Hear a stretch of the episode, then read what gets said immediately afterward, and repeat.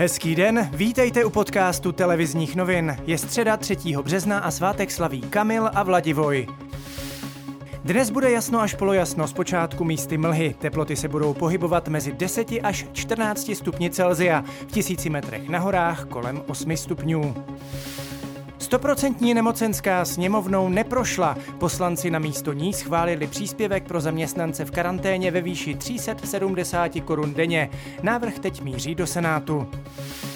Vláda po vlně kritiky zrušila svůj nedomyšlený zákaz stravování v podnikových kantýnách. Opatření platilo pouhých 17 hodin. Zaměstnanci se tak v jídelnách mohou stravovat i nadále, ale v omezeném počtu a s rozestupy. Podrobnosti dodává ministr průmyslu a obchodu Karel Havlíček.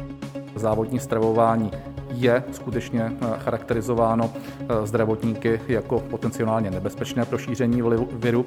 Nicméně dali jsme tam parametry takové, že pokud bude eh, jeden člověk u stolu, případně u dlouhého stolu, kde budou mít vzdálenosti alespoň 2 metry, anebo přepážku například prostě z nějakého bakelitu, tak potom je možné v té jídelně pobývat. Praktičtí lékaři začali s očkováním proti COVID-19. Vakcín ale prý dostali zoufale málo a zájem lidí několikanásobně převyšuje množství dávek, které mají k dispozici. V Pardubickém kraji byl vyhlášen stav hromadného postižení osob. Tamní nemocnice již nejsou schopny garantovat každému pacientovi standardní rozsah zdravotní péče. Důvody vysvětluje hejtman Martin Netolický.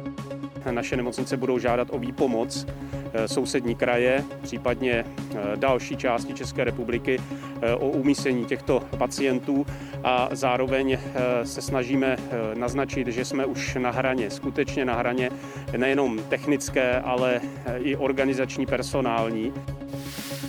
Přetíženým nemocnicím by mohly v boji proti COVID-19 výrazně odlehčit některé léky. U českých úřadů však narážejí na řadu překážek. Nadějných léků, které mohou zmírnit průběh nemoci, jsou podle ministerstva zdravotnictví ve stádiu testování stovky. Povoleno je zatím jen používání neregistrovaného léku od firmy Regeneron.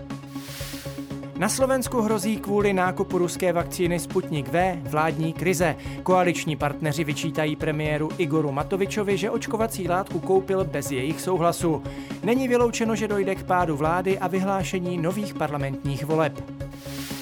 Angela Merklová předložila návrh na prodloužení celostátní karantény v Německu do 28. března.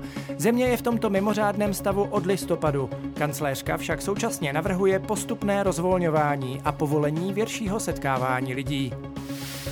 A ještě ze sportu. Basketbalisté Nymburka rozehráli osmifinálovou skupinu Ligy mistrů. Doma přivítali německý Bamberg. Favorita se nezalekli a zápas vyhráli 91-87. A to je z dnešního podcastu televizních novin vše. Mějte fajn den.